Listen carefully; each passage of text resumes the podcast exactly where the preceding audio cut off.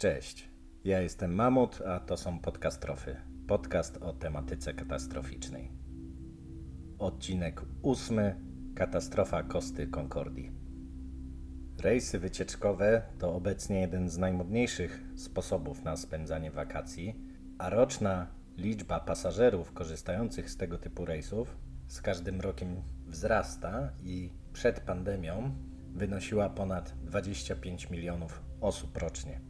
Natomiast sam rynek rejsów turystycznych szacowany jest na około 50 miliardów dolarów. Więc nie ma się co dziwić, że armatorzy starają się zachęcić jak najbardziej ludzi do korzystania ze swoich usług i wydają potężne pieniądze na coraz nowsze statki, mogące pomieścić jak największą liczbę turystów, ale też zaoferować im możliwie największą dozę atrakcji, ale też poczucie luksusu, bo za tym oczywiście idą duże zyski.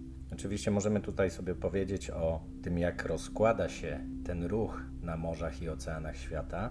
I najpopularniejszym kierunkiem wciąż są Karaiby, i to jest praktycznie 40% udziału w całym rynku. Ale nas przede wszystkim będzie interesowało Morze Śródziemne, które jest na drugim miejscu i stanowi 30% udziału w całym światowym rynku rejsów turystycznych. Ja mogę oczywiście nie rozumieć, co jest ciekawego spędzaniu czasu z kilkoma tysiącami innych osób na ograniczonej przestrzeni, jakim jest statek. Niemniej rozumiem argumenty, które przemawiają za taką formą wypoczynku, ponieważ dzięki temu można w wygodny sposób, wręcz komfortowy, zwiedzać nadbrzeżne miasta, zabytki, poznawać lokalną kuchnię czy lokalne zwyczaje, przemieszczając się właśnie statkiem z miejsca na miejsce, czyli właściwie pływającym hotelem, i schodzić na ląd wtedy, kiedy wycieczkowiec dobija na przykład do takiej Wenecji czy Neapolu i tam są organizowane wycieczki, dzięki którym możemy zwiedzać te ciekawe miejsca. Więc odpada nam ten strasznie uciążliwy element podróżowania z jednego hotelu do drugiego, zwiedzanie w międzyczasie może byliście na takich objazdowych wycieczkach po Włoszech czy innych zresztą regionach świata, gdzie pół dnia było przeznaczone na zwiedzanie, następne pół dnia się gdzieś jechało, pod wieczór docierało się do hotelu, rano szybko trzeba było się też zbierać, żeby znowu pojechać na następną lokację. I było to w pewien sposób uciążliwe i męczące. A tutaj tak naprawdę ten element nam zupełnie odpada, ponieważ wysiadamy, zwiedzamy, wracamy do tego samego hotelu, do tego samego pokoju, z tym, że mieści się on na wodzie i podróżuje razem z nami do następnego miejsca. I właśnie takim hotelem na wodzie, takim pływającym monstrum na kilka tysięcy ludzi, była Costa Concordia. I wciąż możemy znaleźć na stronie operatora tych rejsów opis tego statku. Nie został on usunięty. I z tego opisu możemy dowiedzieć się, że Costa Concordia została zbudowana w 2006 roku, a liczba pasażerów, którą mogła pomieścić, wynosiła 3780 osób. I czytając dalej, dowiadujemy się, że została zaprojektowana dla gości lubiących aktywny wypoczynek i jest to innowacyjny, pływający kompleks sportowy. A wśród atrakcji znajduje się m.in. boisko sportowe, nowoczesny klub fitness, cztery baseny, z czego dwa są zadaszone. No oczywiście nie licząc 13 barów i 5 restauracji, są też kabiny wyposażone w wygodne balkony. Jeżeli chcielibyśmy tylko wymienić atrakcje, jakie oferowała Costa Concordia, to na liście znajdą się restauracje, bary, dyskoteki, baseny, jacuzzi, basen dla dzieci, zjeżdżalnia wodna, telebin do projekcji filmów, teatr, kasyno, klub zabaw dla dzieci, salon gier wirtualnych, symulator Grand Prix, boisko sportowe, trasa do joggingu, centrum fitness, salon piękności, fryzjer, centrum odnowy biologicznej, sklepy wolnocłowe, galeria sztuki, biblioteka, kafejka internetowa, kapliczka i sala konferencyjna. Zaskakuje też mnogość rodzajów oferowanych kabin, bo tak jak patrzę teraz na listę, było ich dokładnie 13, z czego 8 to był różny standard po prostu zwykłych kabin, natomiast pozostałe 5 miało bezpośredni dostęp z kabiny do strefy spa. a sama powierzchnia tych kabin wahała się od niecałych 12 metrów do ponad 42 metrów kwadratowych, gdzie trzeba już przyznać, że 42 metry kwadratowe no to już taka spokojna kawalerka przy dzisiejszych standardach budownictwa mieszkaniowego. I może tylko opowiedzmy sobie o dwóch rodzajach apartamentów, czyli apartamencie Grand Suite z balkonem, który miał właśnie 42 metry i wyposażony był w podwójne łóżko lub dwa pojedyncze łóżka, dwuosobową sofę, telefon, telewizję satelitarną, minibar i safe. A w łazience znajdowała się wanna, dwie umywalki, WC, suszarka do włosów. Oczywiście pomieszczenie było klimatyzowane. Natomiast z tego drugiego typu, z bezpośrednim dostępem do strefy spa, dwa słowa na temat właśnie Samsara Suite z balkonem. I miał on powierzchnię nieco ponad 31 m2 i był wyposażony bardzo podobnie do tego opisanego przeze mnie przed chwilą, z tą różnicą, że miał właśnie bezpośredni dostęp do strefy spa, która dla mieszkańca takiego apartamentu była nielimitowana.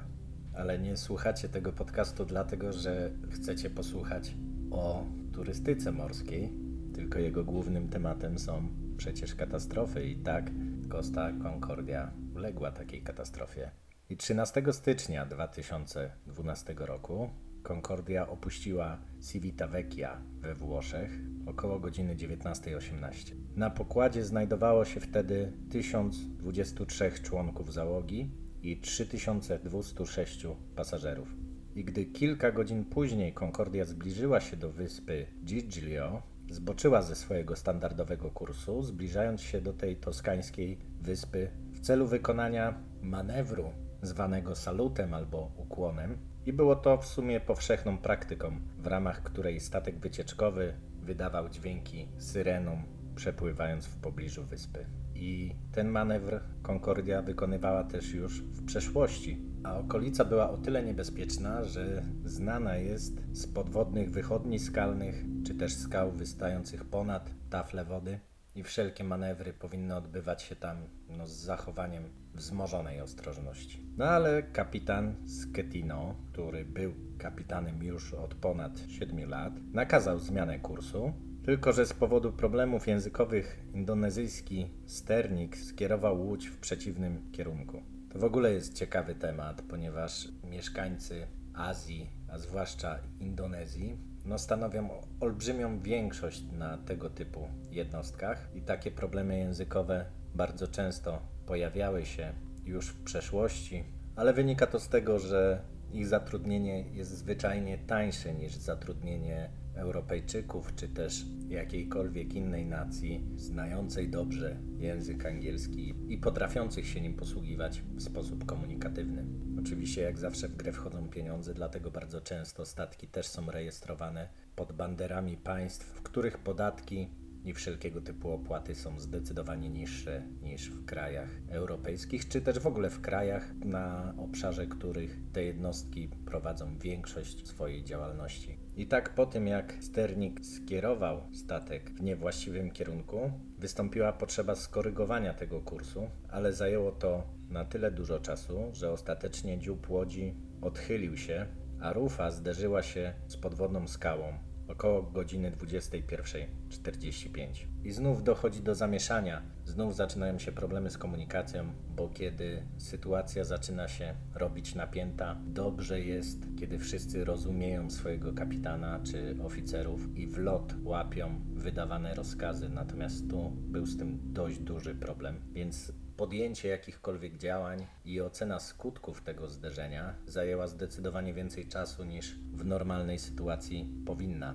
I tak ocena uszkodzeń wykazała, że pięć przedziałów, w tym też maszynownia, zostało zalanych, a już wkrótce statek stracił całe zasilanie i moc, ponieważ wiadomo, woda dostała się do maszynowni, tam doszło do zwarć, uszkodziła generatory i w tym momencie statek stracił możliwość manewrowania, a na pokładach zapadły ciemności. Oczywiście musimy tu sobie wyobrazić, jak działają dzisiaj nowoczesne statki. To nie jest tak, że przypominają one żaglowce sprzed setek lat i jest koło sterowe i ster znajdujący się na rufie, tylko najczęściej dzisiaj stosuje się tak zwane pędniki strumieniowe. Są one umiejscowione zarówno z przodu, jak i z tyłu statku, czyli na dziobie i na rufie i pozwalają one bardzo precyzyjnie manewrować z tego powodu, że każdy z nich operuje w zakresie 360 stopni, więc można je obracać dowolnie do pożądanego kierunku. Więc statek taki może płynąć zarówno do przodu, jak i do tyłu, ale może też skierować te pędniki powiedzmy w lewą stronę, żeby zepchnąć statek w prawo i dokonać na przykład manewru cumowania w porcie. Jest to bardzo precyzyjny i wydajny system, natomiast potrzebuje cały czas prądu, który po pierwsze jest potrzebny do tego, żeby pędniki w ogóle działały i napędzały jednostkę, ale też żeby można było kierować tymi pędnikami w odpowiednią stronę. Więc w momencie, w którym została zalana maszynownia i utracono zasilanie, pędniki stały się zupełnie bezużyteczne i w żaden sposób nie mogły już pomóc w naprawieniu tej sytuacji.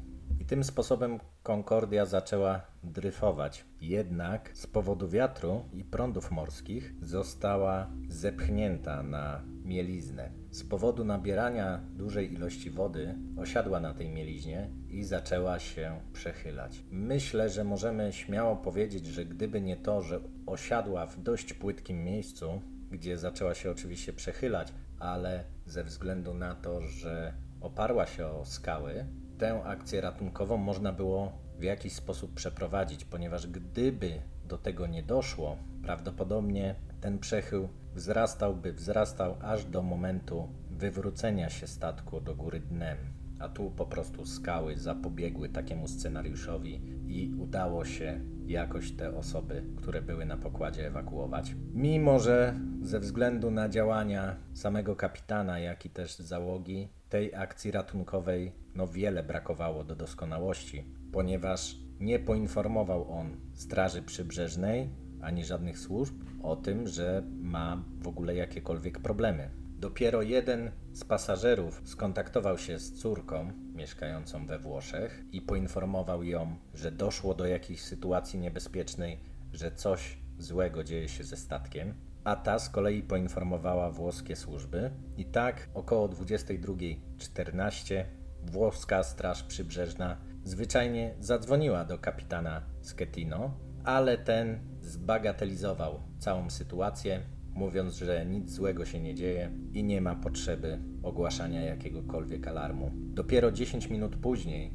po ponownym telefonie od Straży Przybrzeżnej, załoga przyznała, że statek nabiera wody, ale mimo to nie ogłoszono wciąż ewakuacji, nie wezwano pomocy, która byłaby potrzebna w takiej sytuacji, a jedyna prośba kapitana dotyczyła pomocy holowników w celu zaciągnięcia statku do najbliższego portu. I tak około 22.40 przypłynął pierwszy statek ratowniczy, który miał pomóc Concordii w dostaniu się do portu. Natomiast sytuacja już wyglądała bardzo dramatycznie, ponieważ ludzie stłoczeni byli na górnych pokładach, a przechył statku wciąż wzrastał, i tu mamy nagle dramatyczną zmianę nastawienia samego kapitana, bo wiedząc już, że statek nie ma szans na uratowanie i jakiekolwiek próby ściągnięcia go są niemożliwe, zaledwie 15 minut później nakazał porzucenie statku, chociaż z relacji wynika, że łodzie ratunkowe zostały spuszczone na wodę już zdecydowanie prędzej i decyzja ta właściwie w żaden sposób już nie wpłynęła na działania załogi, ani też na to, co robili pasażerowie, którzy już i tak próbowali ewakuować się z tonącego statku.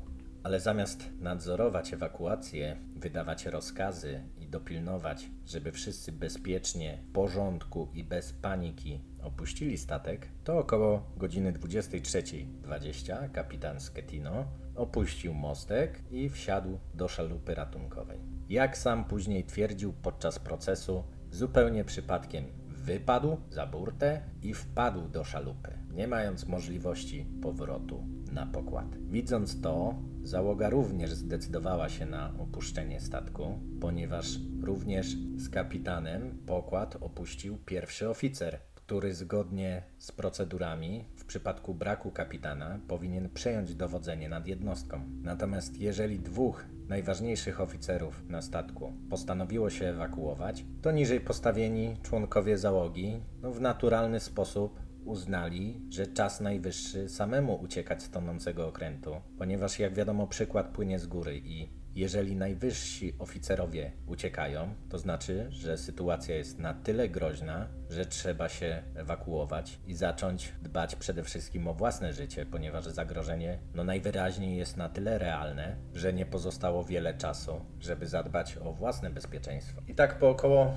10-15 minutach wszyscy członkowie załogi opuścili okręt. Niestety na pokładzie wciąż pozostało ponad 300 osób, czyli oznacza to, że prawie 10% turystów, którzy brali udział w rejsie, w dalszym ciągu nie została ewakuowana.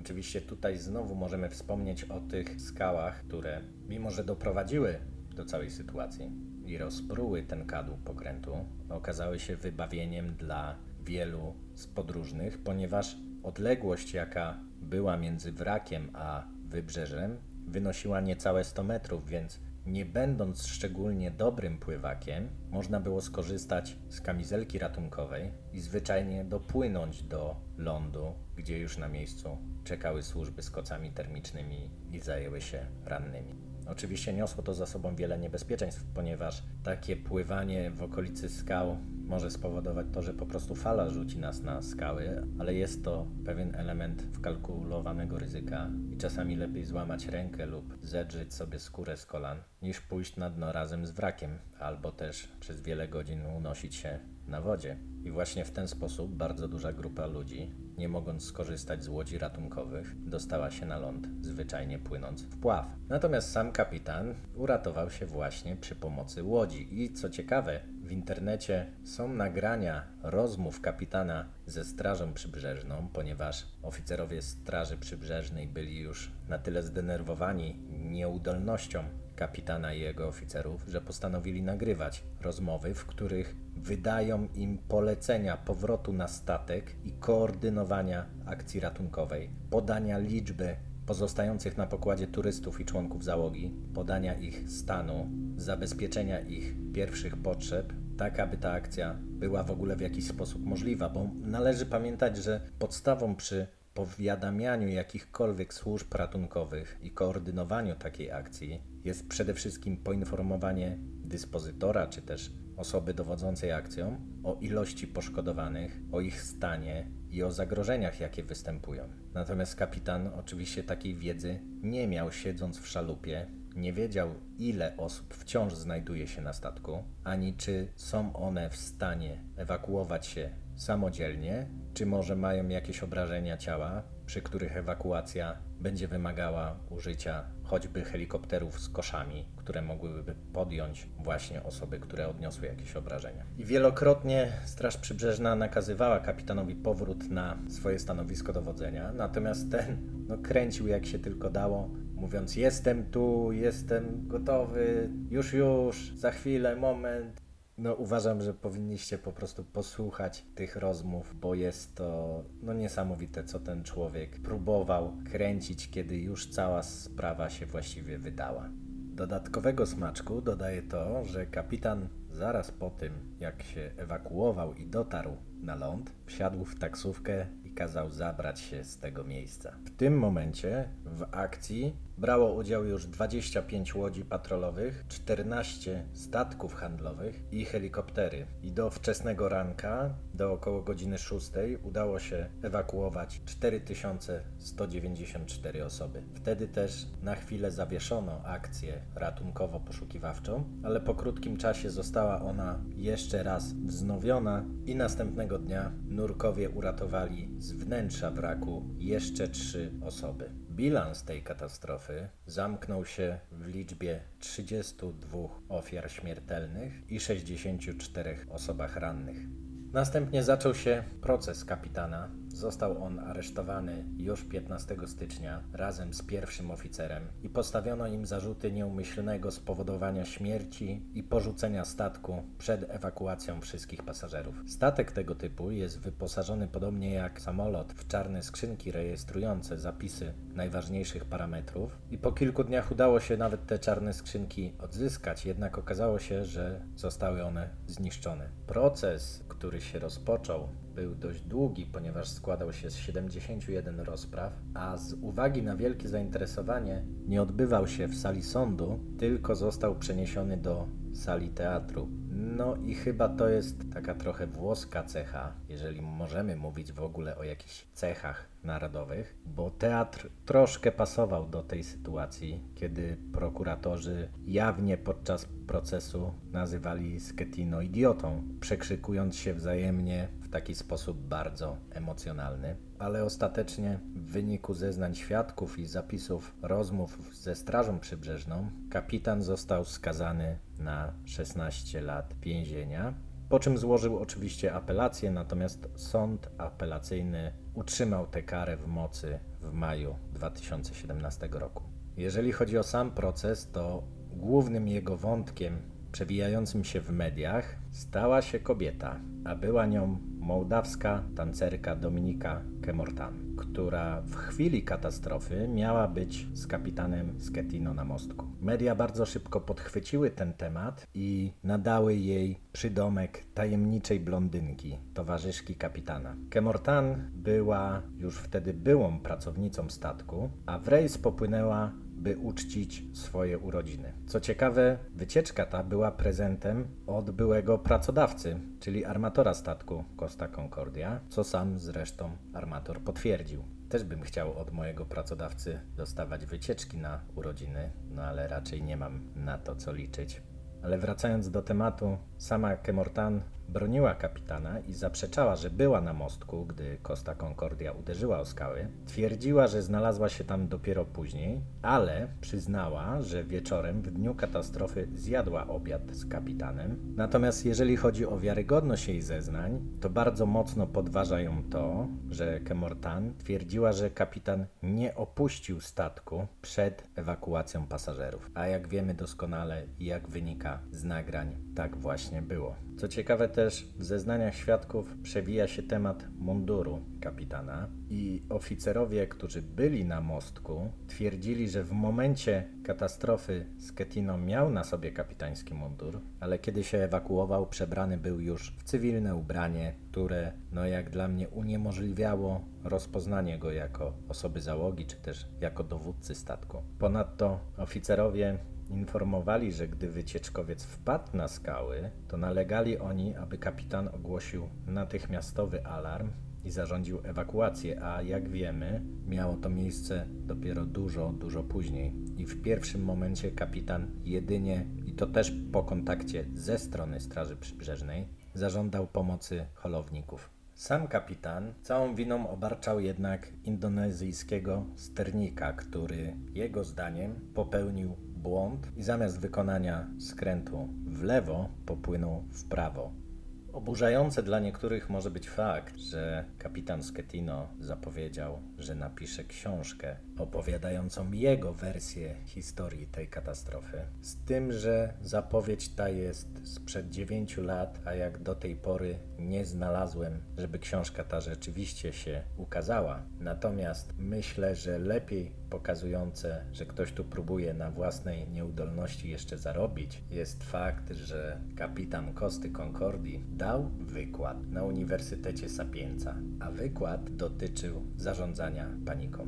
A wykład ten rozpoczął słowami: Zostałem zaproszony tu jako ekspert, wiem jak się zachowywać w kryzysowych sytuacjach. Poza tym pływałem po wszystkich morzach świata, więc wiem, jak należy postępować z załogą pochodzącą z różnych krajów. No jest to o tyle zabawne, że pan ekspert wypadł z mostka według swoich słów, wpadł do łodzi, po czym ta łódź go chyba porwała i nie był obecny w czasie akcji ratunkowej, a jak sam twierdzi, wie jak należy postępować z załogą pochodzącą z różnych krajów, natomiast nie mógł się dogadać ze swoją własną, o czym też sam przecież mówił podczas procesu. Ale samo skazanie kapitana nie było jeszcze końcem historii Kosty Concordii, ponieważ trzeba było coś zrobić z wrakiem. Tak oto rozpoczęła się największa w historii operacja podniesienia zatopionego wraku. Trzeba pamiętać o tym, że Kosta miała ponad 300 metrów długości i ważyła 114 tysięcy ton, a w jej zbiornikach znajdowało się 2000 ton paliwa. Rozpoczęto właśnie od niego, od wypompowania paliwa ze zbiorników i zebrania tego, co się z nich wydostało. Następnie zaczęto przygotowywać odpowiednie podłoże, więc na skałach pod wrakiem zaczęto wylewać beton. Po pierwsze, żeby zapobiec osunięciu się wraku w głębsze wody, po drugie, żeby mieć solidną podstawę pod przyszłe działania. I tak eksperci z niemal całego świata, w tym również i Polacy, opracowali metodę podniesienia wraku przy użyciu pływaków i wyciągarek. Najpierw zamontowano zbiorniki balastowe od strony burty, która wystawała ponad wodę i dociążono je właśnie wodą, co spowodowało, że statek znów zaczął się obracać i właściwie pionizować. Następnie całość osiadła właśnie na przygotowanym wcześniej dnie. Wtedy też dołożono zbiorniki z drugiej strony okrętu i był on już gotowy do podniesienia, bo mając te zbiorniki zarówno z jednej, jak i z drugiej strony, była możliwość wypompowania z nich wody i wtłoczenia tam powietrza, które zwiększyło pływalność tego okrętu, więc tak naprawdę tak jakby ubrano mu kamizelkę ratunkową, która spowodowała, że wreszcie po wielu godzinach oderwał się on od dna i zaczął podnosić. Dokładniej trwało to 19 godzin, a cały proces nadzorowało prawie 500 osób. I tak w lipcu 2014 roku, kiedy udało się wydobyć już ten wrak, został on przetransportowany, a ostatnia podróż Kosty Concordii zakończyła się w Genui we Włoszech, gdzie wrak został po prostu pocięty na złom. Szacuje się, że koszt tej operacji wynosił więcej niż budowa nowego statku, ponieważ Costa kosztowała około 500 milionów euro, natomiast operacja wydobycia i przetransportowania jej do Genui kosztowała prawie 700 milionów euro. W czasie tej operacji odnaleziono też szczątki ludzkie i zależnie od źródeł mówią one, że była to jedna lub dwie ostatnie ofiary, których do tej pory nie udawało się odnaleźć, ale w celu ich zidentyfikowania potrzebne były badania genetyczne, a mi ostatecznie nie udało się dotrzeć do tego, czy była to jedna czy dwie osoby.